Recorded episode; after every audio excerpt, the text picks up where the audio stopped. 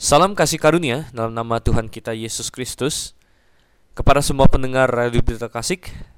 Saat ini saya Dr. Steven Anseliau menyapa Anda, mengucapkan selamat malam dan mengajak Anda untuk bersama dengan saya memasuki acara kita saat ini Mutiara Kebenaran. Radio Berita Klasik sejak dahulu kala telah berkomitmen untuk menyajikan kebenaran-kebenaran Alkitab kepada pendengarnya yang setia dan kami dengan yakin bisa mengatakan bahwa Radio Berita Kasih adalah radio pendidikan, Saudara. Radio yang mencerdaskan seluruh kehidupan seorang baik itu dalam segi intelektual, dari segi emosional dan terutama juga dalam segi spiritual. Ini merupakan moto dari Radio Berita Kasih yaitu radio yang mencerdaskan uh, keluarga. Kita memiliki banyak sekali uh, acara-acara yang berisikan informasi-informasi berharga. Setiap setengah jam Anda bisa mendengarkan apa itu fakta kehidupan maupun penuntun kehidupan yang berisikan uh, berita-berita uh, faktual. Anda juga bisa mendengarkan berbagai rubrik-rubrik yang menarik ya. Ada rubrik tentang kesehatan, ada rubrik tentang iptek atau ilmu pengetahuan teknologi. Ada banyak sekali yang bisa menambah pengetahuan umum Anda. Selain itu, musik-musik klasik dan musik-musik rohani uh, himne yang kami sajikan sangat baik untuk kesehatan emosional Anda. Kita tahu bahwa orang-orang yang mendengarkan musik-musik rock and roll, musik-musik heavy metal cenderung mengalami depresi dan cenderung untuk mengalami uh, pergerakan mood yang berlebihan. Sementara orang-orang yang mendengarkan himne, mendengarkan klasik akan lebih stabil secara emosional. Tetapi terutama sekali tujuan dari Radio Berita Klasik adalah untuk memberitakan firman Tuhan dan memberikan intelijensi spiritual, kecerdasan spiritual tentang firman Allah kepada pendengarnya sekalian. Dan Radio Berita Klasik melakukan ini dengan cara berbagai program-programnya yang berhubungan dengan pembahasan firman Tuhan. Through the Bible sudah ditayangkan sekitar tiga tahun sekarang, sudah tiga kali dari ditayangkan membahas perjanjian baru secara sistematis. Sedangkan kita di Mutiara Kebenaran ini kita uh, baru mulai belum terlalu lama. Kita telah menyelesaikan kitab Kejadian dan kini kita masuk ke dalam kitab Keluaran. Baiklah, saya mengajak kita untuk membuka Alkitab kita pada malam hari ini. Kita akan lanjutkan sesi yang sebelumnya yaitu kini di pasal yang ke-24. Jadi Keluaran pasal yang ke-24 saya ajak kita buka bersama. Keluaran pasal yang ke-24 dan kita akan berdoa terlebih dahulu sebelum kita masuk lebih jauh kepada pembahasan pasal ini. Mari kita berdoa. Bapa di surga, puji syukur hormat kami naikkan kepadamu. Engkau layak untuk itu ya Tuhan. Terima kasih untuk radio ini. Terima kasih untuk firman-Mu. Terima kasih untuk kesempatan untuk membahas firman-Mu dan mengenal kebenaran-Mu lebih dalam lagi. Tuhan kami minta Engkaulah yang menguatkan kami, Engkaulah yang memberikan kami hikmat dan penyingkapan akan kebenaran-kebenaran-Mu, sungguh agar kami dapat mengertinya. Dan lebih daripada sekedar mengerti firman-Mu ya Tuhan, kami boleh melakukannya di dalam kehidupan kami sehari-hari. Kami berdoa di dalam nama Yesus Kristus, Tuhan dan Juru Selamat kami yang hidup. Amin. Baik, kita lihat keluaran pasalnya yang ke-24. Kita baca dulu ayat yang pertama sampai dengan ayat yang ke-8, saudara. Keluaran pasal yang ke-24 ayat 1 sampai ayat yang ke-8. Berfirmanlah ia kepada Musa, naiklah menghadap Tuhan engkau dan Harun, Nadab dan Abihu dan 70 orang dari para tua-tua Israel dan sujudlah kamu menyembah dari jauh. Hanya Musa sendirilah yang mendekat kepada Tuhan, tetapi mereka itu tidak boleh mendekat dan bangsa itu tidak boleh naik bersama-sama dengan dia. Lalu datanglah Musa dan memberitahukan kepada bangsa itu segala firman Tuhan dan segala peraturan itu. Maka seluruh bangsa itu menjawab serentak, segala firman yang telah diucapkan Tuhan itu akan kami lakukan. Lalu Musa menuliskan segala firman Tuhan itu. Keesokan harinya, pagi-pagi didirikannya lah mesbah di kaki gunung itu dengan 12 tugu sesuai dengan kedua belas suku Israel. Kemudian disuruhnyalah orang-orang muda dari bangsa Israel maka mereka mempersembahkan korban bakaran dan menyembelih lembu-lembu jantan sebagai korban keselamatan kepada Tuhan. Sesudah itu Musa mengambil sebagian dari darah itu lalu ditaruhnya ke dalam pasu. Sebagian lagi dari darah itu disiramkannya pada mesbah itu. Diambilnyalah kitab perjanjian itu lalu dibacakannya dengan didengar oleh bangsa itu dan mereka berkata, Segala firman Tuhan akan kami lakukan dan akan kami dengarkan. Kemudian Musa mengambil darah itu dan menyiramkannya pada bangsa itu serta berkata, Inilah darah perjanjian yang diadakan Tuhan dengan kamu berdasarkan segala firman ini. Dan naiklah Musa dengan Harun, Nadab dan Abihu dan 70 orang daripada tua-tua Israel Lalu mereka melihat Allah Israel, kakinya berjejak pada sesuatu yang buatannya seperti lantai dari batu nilam dan yang terangnya seperti langit yang cerah. Tetapi kepada pemuka-pemuka orang Israel itu tidaklah diulurkannya tangannya. Mereka memandang Allah, lalu makan dan minum. Dari pasal yang ke-20 bagian terakhir sampai dengan pasal yang ke-23 yang baru selesai kita bahas sesi yang lalu, kita mendapatkan Tuhan menjelaskan lebih lanjut lagi tentang hukum yang telah dia berikan kepada orang Israel. Kebanyakan orang ketika berbicara mengenai hukum Taurat hanya tahu tentang 10 hukum Allah. 10 hukum Allah atau yang dikenal dengan Decalogue, the Ten Commandments yang dimulai dengan jangan ada Allah lain padamu. Kemudian dilanjutkan dengan jangan membuat patung untuk menyembah kepadanya. Kemudian jangan menyebut nama Tuhan Allahmu dengan sembarangan dan kuduskanlah hari Sabat dan terus terus sampai kepada hukum yang ke-10 banyak orang tahu akan 10 hukum itu. Tetapi 10 hukum itu hanyalah suatu gambaran umum saja dari apa yang Tuhan ingin orang lain lakukan dan 10 hukum itulah yang Tuhan serukan secara langsung kepada orang Israel dari Gunung Sinai. Mereka mendengar Tuhan secara langsung dan mereka ketakutan.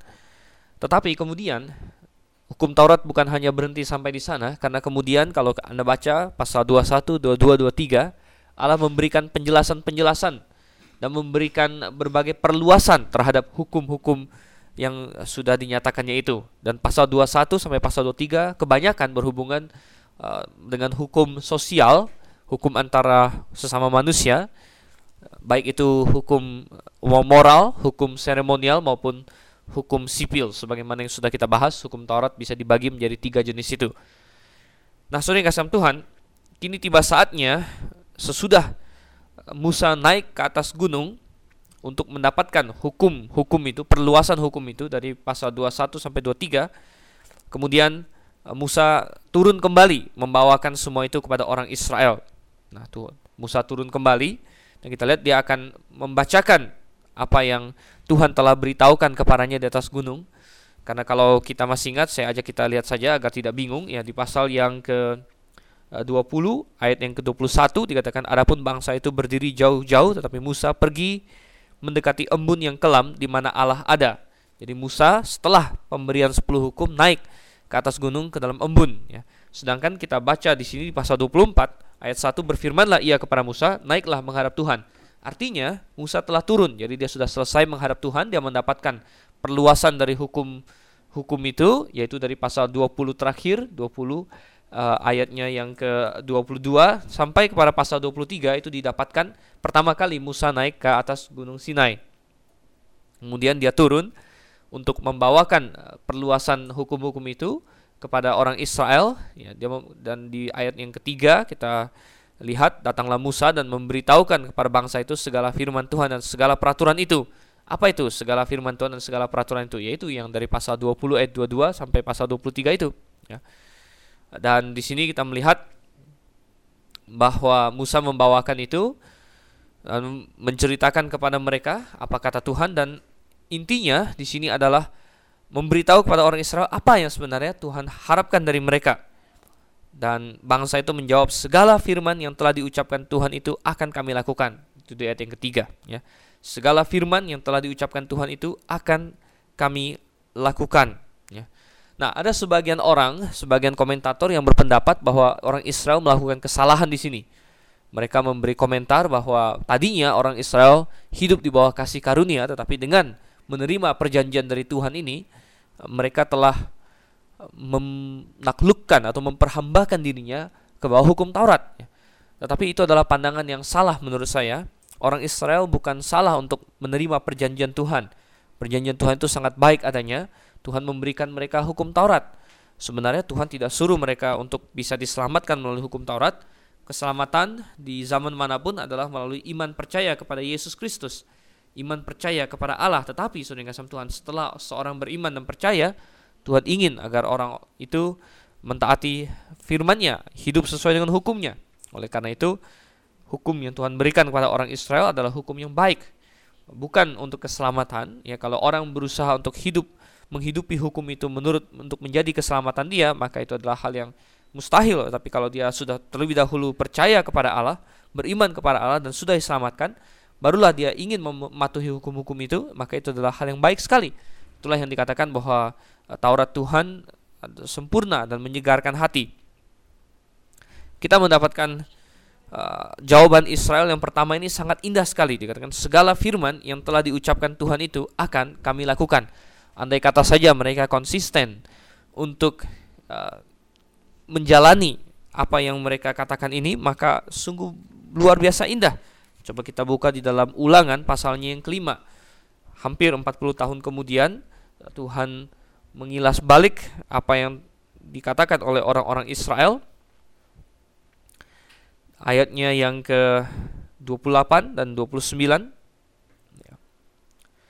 Dikatakan di situ ketika Tuhan mendengar perkataanmu itu sedang kamu mengatakannya kepadaku maka berfirmanlah Tuhan kepadaku telah ku dengar perkataan bangsa ini yang dikatakan mereka kepadamu segala yang dikatakan mereka itu baik kiranya hati mereka selalu begitu yakni takut akan daku dan berpegang pada segala perintahku supaya baik keadaan mereka dan anak-anak mereka untuk selama-lamanya. Jadi kita mendapatkan di sini Tuhan tidak marah kepada orang Israel untuk menerima perjanjiannya. Tuhan tidak marah bahwa seolah-olah mereka memperhambakan diri kepada hukum Taurat. Tidak ya. Bukan tujuan Tuhan mereka memperhambakan diri kepada hukum Taurat. Sebenarnya Tuhan tetap ingin mereka beriman percaya kepada Tuhan dan itu menjadi dasar keselamatan mereka kemudian setelah itu orang yang sudah beriman dan percaya dia rindu untuk taat kepada Tuhan dan hidup sesuai dengan hukum Tuhan itu adalah pola yang Tuhan harapkan saudara bahkan hari ini sekalipun adalah demikian Bukan berarti orang yang sudah bertobat dan percaya kepada Yesus Kristus lalu memiliki suatu imunitas, memiliki suatu kebebasan untuk berbuat dosa seenak-enaknya. Sama sekali tidak. Ada orang yang pernah bertanya kepada saya kalau Yesus Kristus telah menanggung dosa seluruh dunia dan dosa satu orang semuanya sudah Yesus tanggung, maka enak dong katanya kita tinggal bebas berbuat dosa. Tapi kenyataannya tidak demikian, Saudara. Karena Yesus menyelamatkan seseorang berdasarkan iman, pertobatan dan percaya kepadanya. Dan orang yang sungguh-sungguh bertobat dan percaya kepadanya tidak akan memiliki suatu mental kalau begitu enak saya tinggal berbuat dosa dan tidak akan ada konsekuensi. Ya, itu bukanlah pemikiran orang yang sudah bertobat dan jika ada orang yang berpikir berkata atau melakukan hal seperti itu, maka sudah jelas dia bukan orang yang sudah bertobat dan diselamatkan. Nah, kita sekarang kembali ke teks Alkitab. Kita melihat di sini, sesudah Musa mendapatkan hukum-hukum itu dari Tuhan, dia menyampaikannya kepada orang Israel dan orang Israel menjawab secara positif. Mereka berkata di ayat 3, segala firman yang telah diucapkan Tuhan itu akan kami lakukan. Dan Musa kemudian menuliskan semua itu agar dapat dikenang, agar dapat dilihat terus sebagai suatu perjanjian yang tertulis. Dan kita melihat di sini satu hal yang menjadi pola yang akan Tuhan pakai bahwa firman-Nya sudah akan menjadi suatu bentuk yang pasti ketika berubah menjadi bentuk yang tertulis. Musa bisa saja mem terus membacakan, terus mengucapkan hukum-hukum itu kepada Israel, tapi kalau itu belum dalam bentuk yang tertulis, maka firman itu belum dalam suatu posisi yang uh, sudah mantap belum dalam suatu posisi yang sudah final begitu. Tetapi ketika dia sudah beralih ke dalam suatu bentuk tulisan, maka firman Tuhan itu siap untuk dibaca, siap untuk diperbanyak, siap untuk tidak diubah-ubah oleh orang. Oleh karena itulah Alkitab juga berkata bahwa nubuat-nubuat eh, yang lisan yang Tuhan pakai di dalam zaman rasul-rasul di abad pertama tidak sempurna dalam 1 Korintus 13 ayatnya yang ke-8, 9 dan 10 Ya, 1 Korintus 13 Anda boleh baca ayat 8 sampai 10 dikatakan bahwa eh, nubuat akan berhenti, nubuat-nubuat lisan. Um, pengetahuan akan berakhir, basaro akan akan berakhir. Mengapa Saudara? Karena nubuat kita tidak sempurna dan pengetahuan kita tidak lengkap. Perhatikan bahwa pengetahuan di sini maksudnya adalah pengetahuan yang eh, supranatural, pengetahuan yang diwahyukan ya. Dalam masa rasul-rasul belum ada Alkitab yang tertulis bagi mereka, sehingga bagaimana cara jemaat bertumbuh? Bagaimana cara mereka menyampaikan firman Tuhan? Tuhan memberikan karunia bernubuat di mana Tuhan akan memberikan nubuat yang isinya saya perkirakan kurang lebih hampir sama dengan Alkitab kita hari ini, hanya dalam bentuk lisan saja. Tetapi dikatakan itu tidak sempurna, itu tidak lengkap. Tetapi ketika yang sempurna datang, maka yang tidak sempurna itu akan berhenti. Apa yang sempurna dimaksud adalah Alkitab yang sudah tertulis, saudara yang kasih Tuhan. Bagaimanapun juga Tuhan sangat berkepentingan dan Tuhan ingin dan sejak dari zaman Musa kita melihat bagaimana Tuhan ingin agar firman-Nya yang lisan menjadi tertulis dan semua apa yang Tuhan katakan kepada Musa bukan hanya sekedar Musa ulang kepada orang Israel secara lisan, tapi Musa menuliskannya. Ayat yang keempat dalam Keluaran 23 tadi, lalu Musa menuliskan segala firman Tuhan itu. Musa sadar dan Tuhan juga memberikan kepada dia hikmat untuk menuliskan firman Tuhan itu. Apa yang dituliskannya itu? Ya, itulah yang disebut di pasal 20 terakhir dengan sampai dengan pasal 23 dikatakan. Dan ini disebut juga di ayat yang ketujuh sebagai kitab perjanjian, ya, kitab perjanjian. Dan menarik sekali di sini kita melihat Musa menulis, Saudara. Uh, tidak berapa lama yang lalu sebelum arkeologi muncul sebagai suatu cabang ilmu, uh, yaitu sekitar abad 19 eh, yaitu tahun 1800-an banyak tokoh-tokoh liberal yang meragukan bahwa Musa bahkan bisa menulis ya. Betapa bodohnya dan betapa mereka tidak percaya kepada Alkitab. Mengapa mereka berpikir begitu? Karena mereka terpengaruh oleh teori evolusi, Saudara. Mereka berpikir bahwa manusia zaman dulu, zamannya Musa, tentunya masih sangat bodoh. Mungkin mereka belum bisa menulis, mungkin mereka belum bisa bikin ini dan itu. Dan eh, dengan teori mereka itu akhirnya tahun 1800-an itu pula abad 19 muncul berbagai teori tentang siapa yang menulis kitab Taurat. Dan uh, perdebatan ini uh, dipelopori oleh para liberal.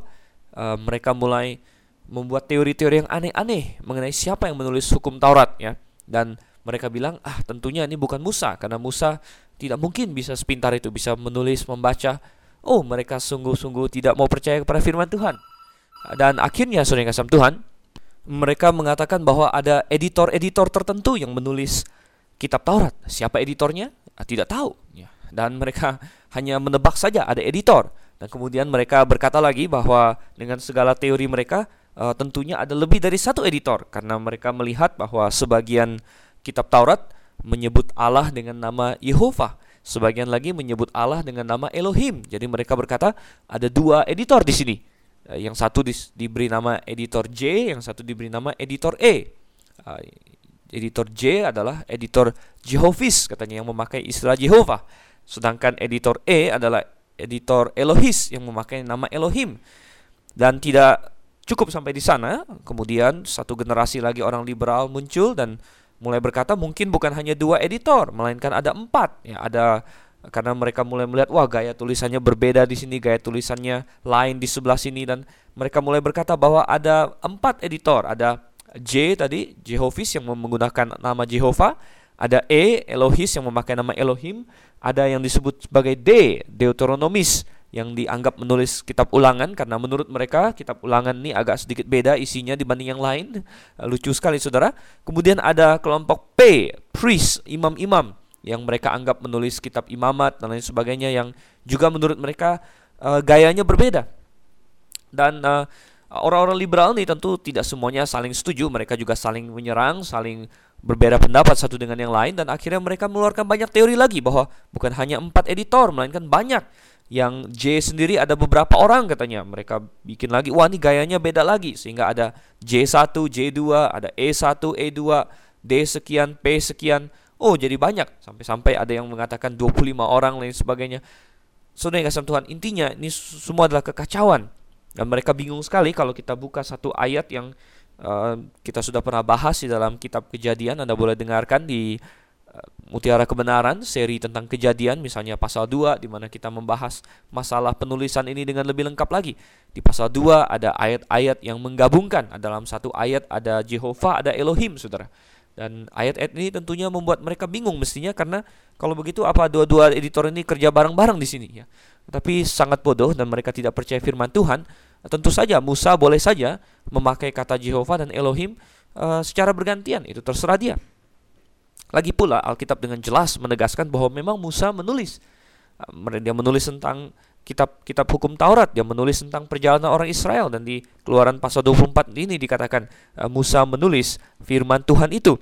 Tetapi satu hal yang paling kuat lagi menegaskan kita adalah bahwa Yesus Kristus sendiri uh, menegaskan bahwa adalah Musa yang menulis kitab-kitab Taurat ini. Di dalam misalnya Lukas pasalnya yang ke-40 uh, sorry, Lukas pasal 24 ayat yang ke-44, Lukas 24 ayat 44 uh, Yesus di sini berbicara, inilah perkataanku yang telah kukatakan kepadamu ketika aku masih bersama-sama dengan kamu, yakni bahwa harus digenapi semua yang ada tertulis tentang aku dalam kitab Taurat Musa.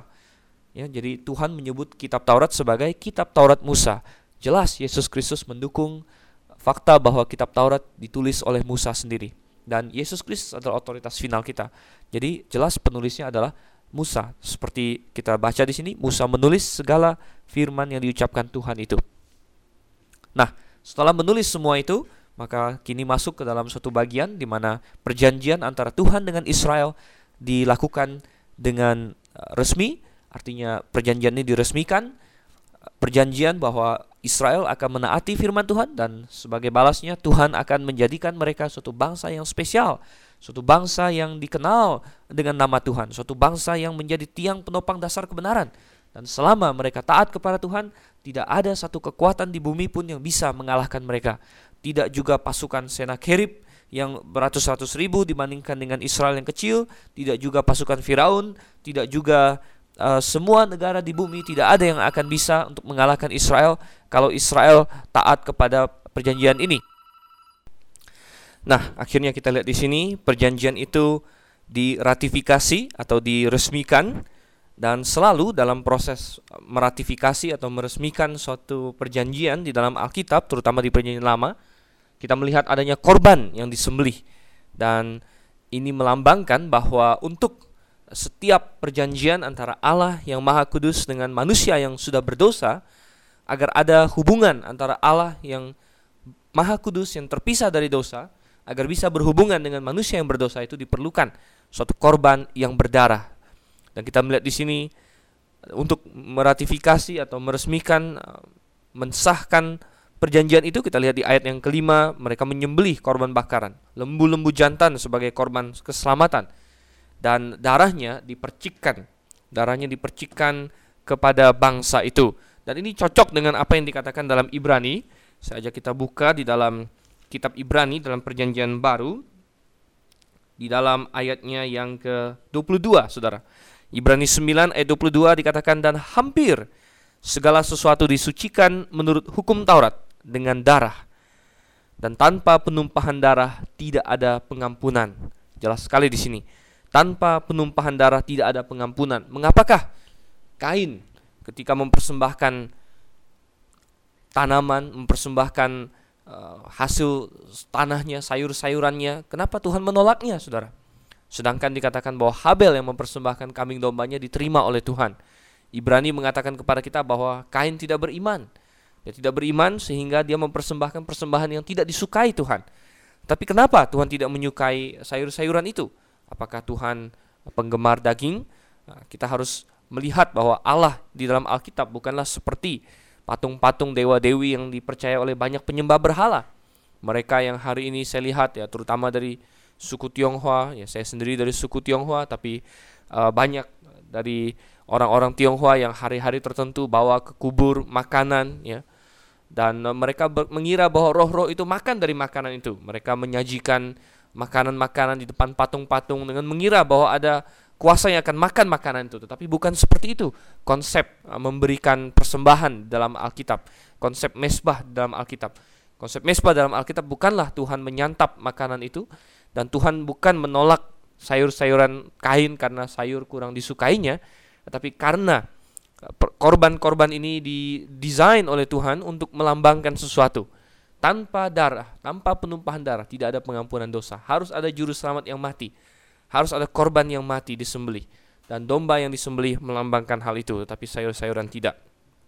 Demikian juga di dalam uh, pengesahan perjanjian ini mereka harus menggunakan darah di ayat 8 dikatakan kemudian Musa ya Keluaran 23 ayat 8 kemudian Musa mengambil darah itu dan menyiramkannya kepada bangsa itu serta berkata Inilah darah perjanjian yang diadakan Tuhan dengan kamu berdasarkan segala firman ini.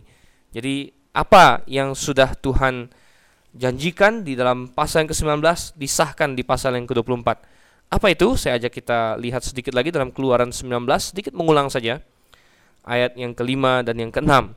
Jadi sekarang saya bacakan, jika kamu sungguh-sungguh mendengarkan firmanku dan berpegang pada perjanjianku, maka kamu akan menjadi harta kesayanganku sendiri dari antara segala bangsa, sebab akulah yang empunya seluruh bumi. Kamu akan menjadi bagiku kerajaan imam dan bangsa yang kudus. Inilah semuanya firman yang harus kau katakan pada orang Israel. Perjanjian dari pihak Tuhan adalah Israel akan diangkat menjadi bangsa dengan posisi yang khusus di antara semua bangsa. Posisi sebagai bangsa yang mewakili bangsa-bangsa lain di hadapan Tuhan. Bangsa yang akan menurunkan Mesias, bangsa yang akan menjadi tiang penopang dan dasar kebenaran. Dan mereka akan menjadi bangsa yang khusus, harta kesayangan Tuhan. Dan saudara memang selama mereka taat kepada Tuhan, Tuhan berkat Tuhan selalu ada atas mereka dan mereka tidak bisa dikalahkan. Tetapi hari ini, hari ini Israel bukan lagi harta kesayangan Tuhan, saudara dalam perjanjian baru kita membaca bahwa karena penolakan mereka akan juru selamat karena mereka telah menyimpang dari perjanjian mereka dengan Tuhan itu untuk sementara waktu mereka telah Tuhan sisihkan. Dalam Roma pasalnya yang ke-11 saya bacakan. Roma pasalnya yang ke-11 dikatakan di sini ayatnya yang ke-13 dan seterusnya ya. Dikatakan ayat yang ke-17, karena itu apabila beberapa cabang telah dipatahkan dan kamu sebagai tunas liar telah dicangkokkan di antaranya dan turut mendapat bagian dalam akar pohon zaitun yang penuh getah ya. Jadi beberapa cabang telah dipatahkan. Israel telah disisihkan dari posisinya sebagai bangsa kesayangan Tuhan. Sebagai bangsa yang menjadi tiang penopang dan dasar kebenaran ya. Tetapi ya, tidak untuk selama-lamanya karena Tuhan akan suatu ketika memulihkan mereka ke dalam keadaan mereka yang sebenarnya. Itu bisa kita baca dalam Roma pasalnya yang ke-11 ya. Ayatnya yang ke-28 dan seterusnya ya. Uh, kita melihat bahwa suatu hari mereka akan dipulihkan, terutama juga di ayat yang ke-24 ya. Uh, atau ayat 23, Roma 11 ayat 23 tetapi mereka pun akan dicangkokkan kembali jika mereka tidak tetap dalam ketidakpercayaan mereka. Sebab Allah berkuasa untuk mencangkokkan mereka kembali. Jadi jelas di situ mereka akan uh, kembali dalam posisi mereka. Tapi hari ini Israel tidak spesial di mata Tuhan ya karena yang menjadi tiang penopang dasar kebenaran pada hari ini adalah jemaat lokal, Saudara. Jemaat lokal yang Alkitabiah adalah uh, tiang penopang dan dasar kebenaran pada zaman ini dan Israel hari ini ya bukan suatu bangsa kesayangan Tuhan ya, tetapi kita tentunya tidak membenci mereka juga, kita ingin mereka diselamatkan sama seperti kita ingin semua bangsa-bangsa lain diselamatkan ya. Dan Israel hari ini masih ada dalam pemberontakan kepada Tuhan, bukan berarti Tuhan lupa dengan mereka. Suatu hari Tuhan akan membuat mereka bertobat dengan cara mendatangkan kesusahan besar atas mereka dan pada saat mereka terhimpit itulah mereka akan bertobat dan berbalik kepada Tuhan. Baiklah, kita lihat sekarang kembali ke dalam keluaran pasal yang ke-24 setelah selesainya pengesahan perjanjian itu kita lihat Tuhan sekali lagi menyuruh Musa naik ke atas gunung. Ini sebenarnya pasal 24 dimulai dengan perintah ini ya. Pasal 24 ayat 1 sampai 2 ya ia berfirman kepada Musa, "Naiklah menghadap Tuhan." Jadi tadi kita bahas ayat 3 dulu sampai ayat 8 ada pengesahan perjanjian, tapi setelah itu Tuhan menyuruh Musa untuk naik kembali dan sekali ini dia bukan naik sendirian, tapi dia naik bersama dengan beberapa orang, yaitu Harun, Nadab, dan Abihu. Ya. Harun adalah imam yang akan Tuhan tunjuk. Dia selama ini telah bertugas sebagai tangan kanannya Musa, sebagai juru bicara Musa. Dan jelas Harun di sini memiliki posisi yang penting. Dia akan menjadi imam bagi Tuhan, ya, imam besar bagi Tuhan. Kemudian Nadab dan Abihu adalah dua anak pertamanya uh, Harun ya, dua anak pertama Harun dan mereka akan suatu hari mewarisi jabatan imam besar dari ayah mereka. Tetapi itu secara teoritis saja karena belakangan kita akan lihat bahwa Nadab dan Abihu membangkang kepada Tuhan. Membangkang kepada Tuhan dan mereka dimusnahkan. Nah, bersama dengan Harun, Nadab dan Abihu juga naik katanya 70 orang dari tua-tua Israel. Jadi 70 orang pemuka dan mereka naik untuk bersama-sama menyembah Tuhan di atas gunung. Tetapi satu hal yang menarik sekali saya baca di ayat yang pertama, dikatakan kepada Harun, Nadab, Abihu dan 70 orang tua-tua itu di bagian terakhir dari ayat 1, sujudlah kamu menyembah dari jauh. Hanya Musa sendiri yang boleh mendekat. Nah, di sini luar biasa sekali bahwa Musa menggambarkan secara tipologi Yesus Kristus bagi kita ya.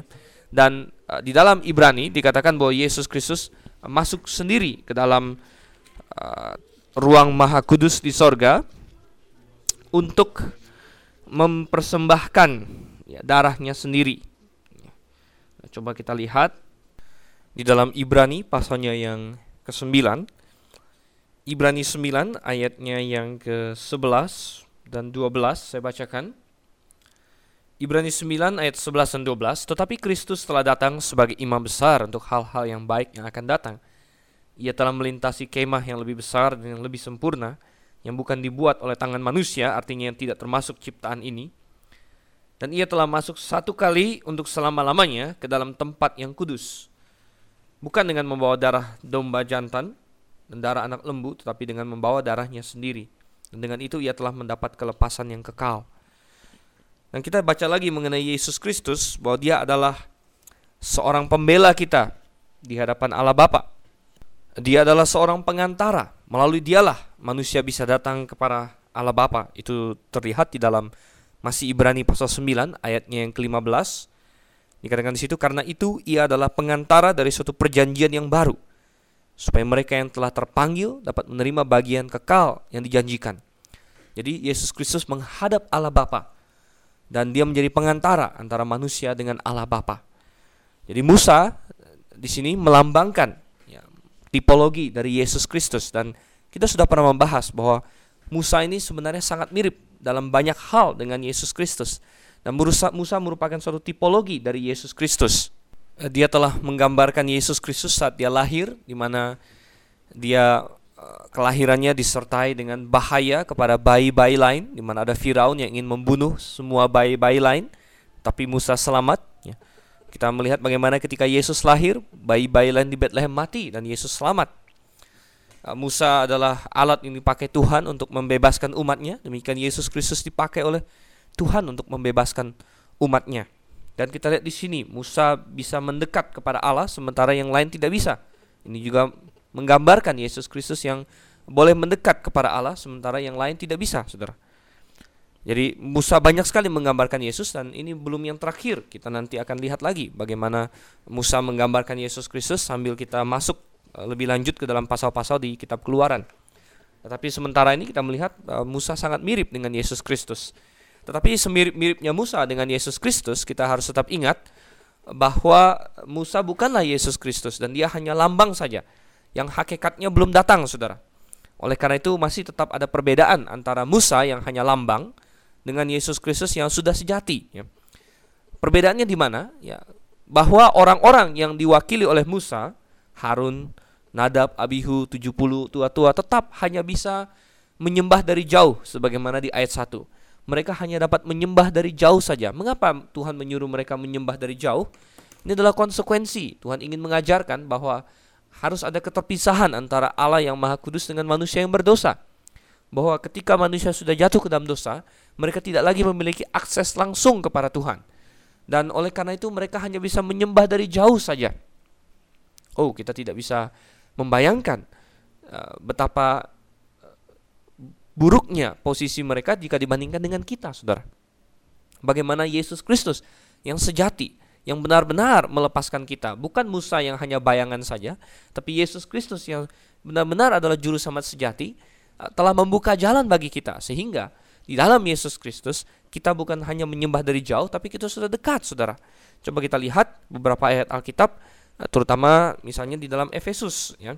Saja kita lihat di dalam Efesus pasalnya yang kedua, Efesus pasal 2 ayatnya yang ke-13 saya bacakan untuk Saudara. Tetapi sekarang di dalam Kristus Yesus, kamu yang dahulu jauh sudah menjadi dekat. Anda, Anda dengar itu saudara?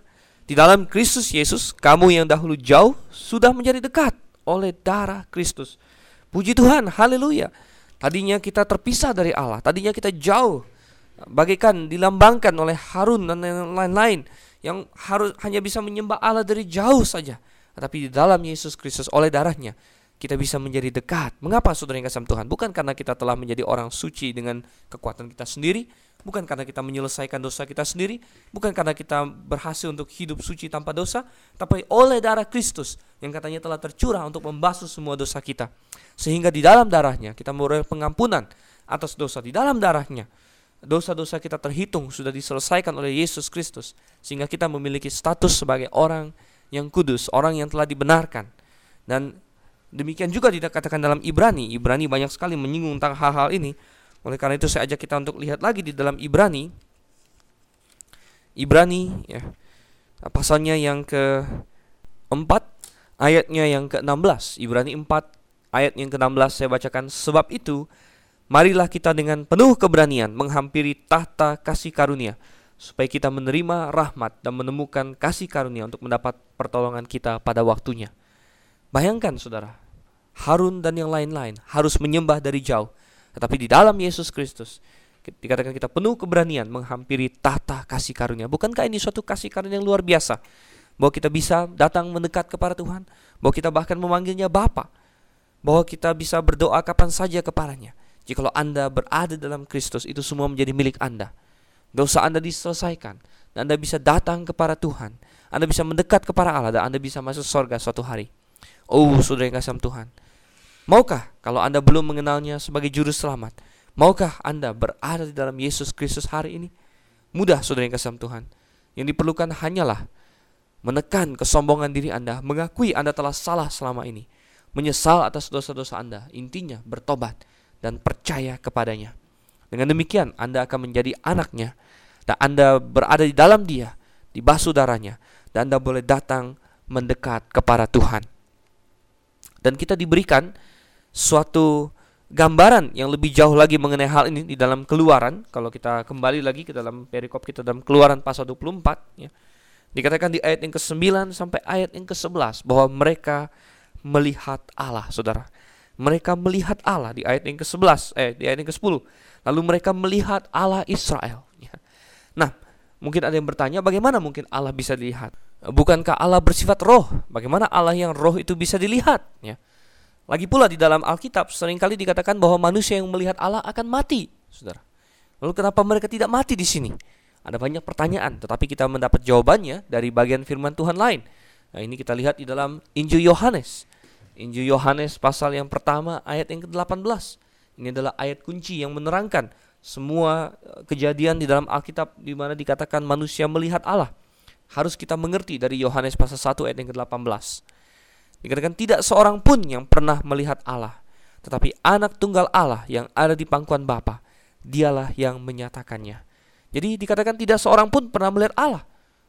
Mengapa di dalam eh, Keluaran 24 dikatakan mereka melihat Allah Israel? Oh, sudah kasih Tuhan. Ternyata kita dijelaskan dalam Injil Yohanes adalah Yesus Kristus yang mereka lihat. Oleh karena itu, kita temukan di situ Yesus Kristus tiada lain adalah Allah. Ini merupakan salah satu bukti bahwa Yesus Kristus adalah Allah, saudara. Bahwa di dalam perjanjian lama mereka melihat Allah, sedangkan di perjanjian baru dikatakan tidak seorang pun pernah melihat Allah, tetapi melihat anak. Oleh karena itu yang mereka melihat adalah anak. Yesus Kristus dalam bentuknya sebelum eh, dia menjadi manusia. Jadi dalam bentuk seolah-olah seperti manusia, ya. Oleh karena itulah di dalam Keluaran pasal 24 dikatakan di situ mereka bahkan melihat jejak kakinya Katanya kakinya berjejak pada sesuatu yang buatannya seperti lantai dari batu nilam. Nah, ada kaki berarti dia mengambil rupa seolah-olah seperti manusia. Nah, tidak lain ini adalah Yesus Kristus sebelum dia datang ke dalam dunia sebagai manusia. Dia sudah ada dan dia pernah menyatakan diri kepada Abraham. Anda boleh mengingat kembali dalam kejadian dalam seri mutiara kebenaran kita di kejadian, Yesus Kristus pernah datang menghampiri Abraham bersama dua malaikatnya. Jadi tiga orang tamu dan mereka menampakkan diri seperti manusia, ya. Demikian juga Yesus Kristus inilah yang menampakkan diri juga kepada Yakub yang bergumul dengan Yakub di tempat yang akhirnya diberi nama Peniel. Yesus Kristus ini pula lah yang disebut sebagai malaikat Tuhan, malaikat Yehova di dalam Alkitab, yang bertemu dengan Gideon, yang bertemu dengan Manoah, bapaknya Simpson. Di dalam Alkitab di mana-mana ketika manusia bertemu dengan Allah, tidak lain adalah Yesus Kristus sebelum dia turun menjadi manusia. Dan katanya kakinya berjejak pada sesuatu yang buatannya seperti lantai dari batu nilam dan yang terangnya seperti langit yang cerah. Tentu sesuatu hal yang spektakuler yang luar biasa sekali. dan penglihatan itu tentunya merupakan sesuatu yang uh, luar biasa indah. Dan di ayat 11 kita diberikan tambahan bahwa uh, tetapi para pemuka-pemuka itu tidak mati, Saudara. Jadi Tuhan tidak menghukum mati mereka karena mereka melihat Tuhan. Uh, ini merupakan suatu gambaran tipologi juga sebagaimana Musa menggambarkan Yesus Kristus yang maju menjadi pengantara. Demikianlah orang-orang yang berada di dalam Kristus suatu hari akan melihat Allah. Kita akan melihat Tuhan, Saudara. Nah, uh, apakah kita akan melihat Allah Bapa nanti di surga? Ini adalah suatu pertanyaan yang sulit untuk dijawab ya. Ada kemungkinan bahwa Allah Bapa memang sesuatu pribadi yang tidak dapat dilihat, Saudara. Dan kita hanya bisa melihat Bapa hanya melalui anak ya dan sebenarnya satu orang murid Yesus pernah penasaran dengan hal ini dan menanya Yesus. Eh, dia adalah Filipus di dalam Yohanes pasalnya yang ke-14 karena saking seringnya Yesus berbicara mengenai Bapa dalam Injil Yohanes pasal 14 yang ke-8 kata Filipus kepadanya, "Tuhan, tunjukkanlah Bapa itu kepada kami. Itu sudah cukup bagi kami." Yo, Filipus bilang, "Tuhan, kami dengar Bapa, Bapa terus. Kami sudah mendengar banyak tentang Bapa. Mana dia? Tunjukkan pada kami." Lalu ayat 9 Yesus setengah uh, sedih mungkin, setengah um, agak-agak mungkin kesal dengan mereka yang tidak bisa mengerti ya. Kata Yesus kepadanya, "Telah sekian lama aku bersama-sama kamu, Filipus, namun engkau tidak mengenal aku. Barang siapa telah melihat aku, ia telah melihat Bapa. Bagaimana engkau berkata, tunjukkanlah Bapa itu kepada kami?" Jadi jelas sekali bahwa Yesus Kristus adalah penyataan dari Allah Bapa sepenuh-penuhnya. Dan ketika seseorang sudah melihat Yesus, dia sudah melihat Bapa. Oleh karena itu kita tidak jelas apakah kita akan melihat Allah Bapa di sorga. Uh, mungkin saja kita hanya melihat Yesus Kristus nanti di sorga sebagai penyataan dari Allah Bapa itu. Kita kembali ke dalam pasalnya yang ke-24. Kita lihat sekarang ayatnya yang ke-12 sampai ayatnya yang ke-18. Saya akan bacakan bagi saudara sekalian.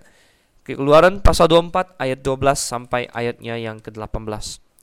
Tuhan berfirman kepada Musa, "Naiklah menghadap aku ke atas gunung dan tinggallah di sana. Maka aku akan memberikan kepadamu loh batu, yakni hukum dan perintah yang telah kutuliskan untuk diajarkan kepada mereka." Lalu bangunlah Musa dengan Yosua abdinya, maka naiklah Musa ke atas gunung Allah itu. Tetapi kepada para tua-tua itu ia berkata, "Tinggallah di sini menunggu kami." Sampai kami kembali lagi kepadamu. Bukankah Harun dan Hur ada bersama-sama dengan kamu? Siapa yang ada perkaranya, datanglah kepada mereka. Maka Musa mendaki gunung dan awan itu menutupinya. Kemuliaan Tuhan diam di atas gunung Sinai dan awan itu menutupinya enam hari lamanya. Dan pada hari ketujuh, dipanggilnyalah Musa dari tengah-tengah awan itu.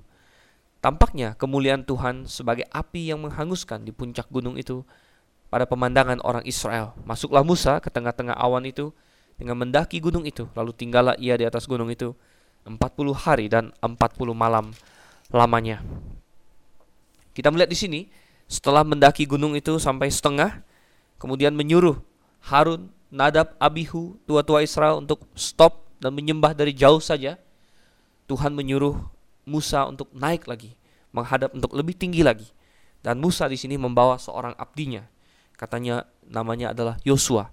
Dan Yosua kita lihat di sini mulai mendapat suatu tempat yang penting di dalam sejarah Israel. Karena Tuhan sedang mempersiapkan dia untuk menjadi pemimpin Israel menggantikan Musa. Tuhan mencari orang-orang muda yang siap dia pakai, yang mau dia pakai untuk uh, mengabarkan kabar keselamatannya. Yosua memiliki arti yang sama dengan Yesus sebenarnya, penyelamat, Saudara. Dia ingin banyak orang muda juga yang ingin menjadi penyelamat, bukan penyelamat mati bagi orang lain karena hanya Yesus yang bisa melakukan itu, tapi menjadi penyelamat dalam artian orang yang mengabarkan kabar selamat, Saudara. Orang yang mengabarkan kabar selamat. Tuhan mencari orang-orang muda seperti itu. Tuhan mencari Yosua-Yosua berikutnya yang mau oh, dipakai oleh Tuhan dan Yosua bin Nun di sini dia menyertai Musa. Tetapi sampai suatu batas tertentu pun Yosua berhenti dan Musa naik sendirian ke atas gunung Allah itu. Dan Tuhan memberitahu Musa bahwa naiknya dia ke sana adalah untuk menerima loh batu yang berisi hukum dan perintah yang telah kutuliskan katanya. Dan ini adalah suatu hal yang luar biasa indah di mana kita melihat Tuhan menulis dengan tangannya sendiri. Ya, jarang kita melihat Tuhan menulis dengan tangannya sendiri, saudara. Uh, kalau Tuhan menulis melalui manusia, itu adalah hasilnya Alkitab yang di depan kita Ya, Tuhan menginspirasikan manusia yang dia pilih untuk menulis. Musa dia inspirasikan dan Tuhan memakai tangan-tangan manusia yang berserah padanya, yang mau untuk dia pakai. Tuhan memakai mereka untuk menulis. Tetapi di sini Tuhan menulisnya sendiri dengan tangannya sendiri. Tentu ini adalah hal yang lain daripada yang lain dan Musa mendapat privilege, mendapat kehormatan untuk menerima semua itu.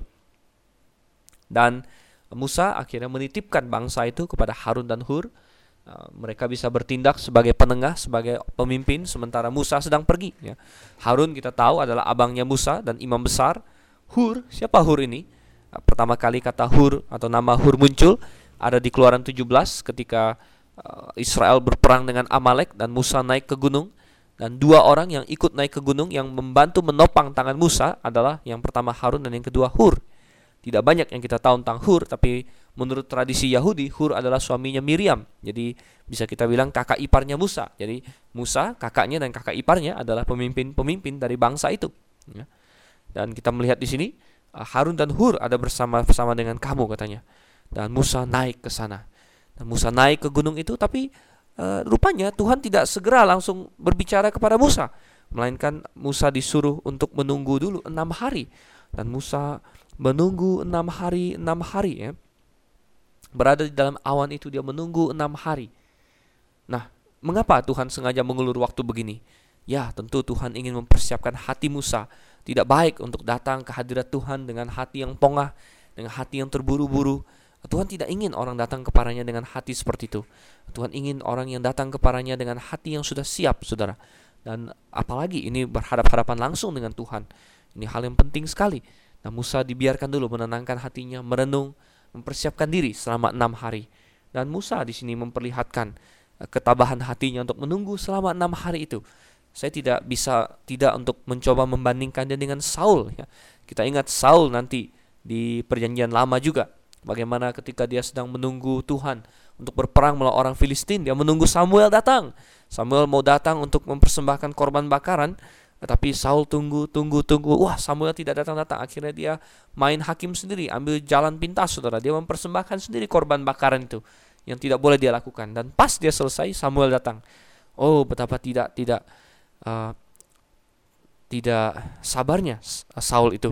Nah, ini berbeda dengan Musa di sini. Dia sabar, enam hari dia tunggu. Dan katanya pada hari yang ketujuh, Musa dipanggil ke dalam awan itu dan kemuliaan Tuhan di situ nampak seperti api yang menghanguskan di puncak gunung. Yang kita diberitahu di ayat yang ke-18 bahwa Musa berada di sana 40 hari 40 malam, dia puasa di sana 40 hari 40 malam. Ini mengingatkan kita akan Yesus Kristus.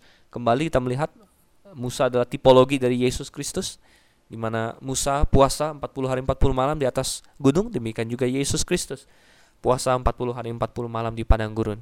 Dan demikian juga Musa di padang gurun Sinai itu Saudara. Jadi kita melihat di sini suatu hal yang uh, luar biasa dan 40 hari ini Tuhan pakai untuk berbicara dengan Musa. Saya yakin mereka memiliki persekutuan yang indah dan juga untuk memberikan kepada Musa segala hukum yang nanti akan kita dapatkan dari pasal 25 sampai kepada pasal yang ke-31. Jadi pasal 25 sampai pada pasal 31 adalah hukum-hukum tambahan lagi yang Tuhan berikan kepada Musa ketika Musa naik di atas gunung 40 hari 40 malam itu. Nah, saya yakin sebenarnya uh, hukum yang diberikan dari pasal 25 sampai pasal 31 kalau Tuhan mau satu hari saja cukup untuk memberikannya kepada Musa. Tapi Tuhan sengaja 40 hari 40 malam karena dia menikmati persekutuan dengan Musa dan Musa tentunya menikmati persekutuan dengan Tuhan. Dan barulah pasal yang ke-32 nanti kita melihat uh, Musa turun dari gunung itu setelah dia 40 hari 40 malam berada di sana. Nah, untuk sesi-sesi selanjutnya kita akan mulai membahas tentang hukum-hukum tambahan lagi yang Tuhan berikan kepada Musa selama dia berada 40 hari 40 malam di atas Gunung Sinai bersama dengan Tuhan. Hukum-hukum yang tentunya bukan hukum-hukum biasa, karena hukum-hukum ini adalah hukum-hukum yang diinspirasikan, yang sempurna untuk kondisi bangsa Israel pada waktu itu.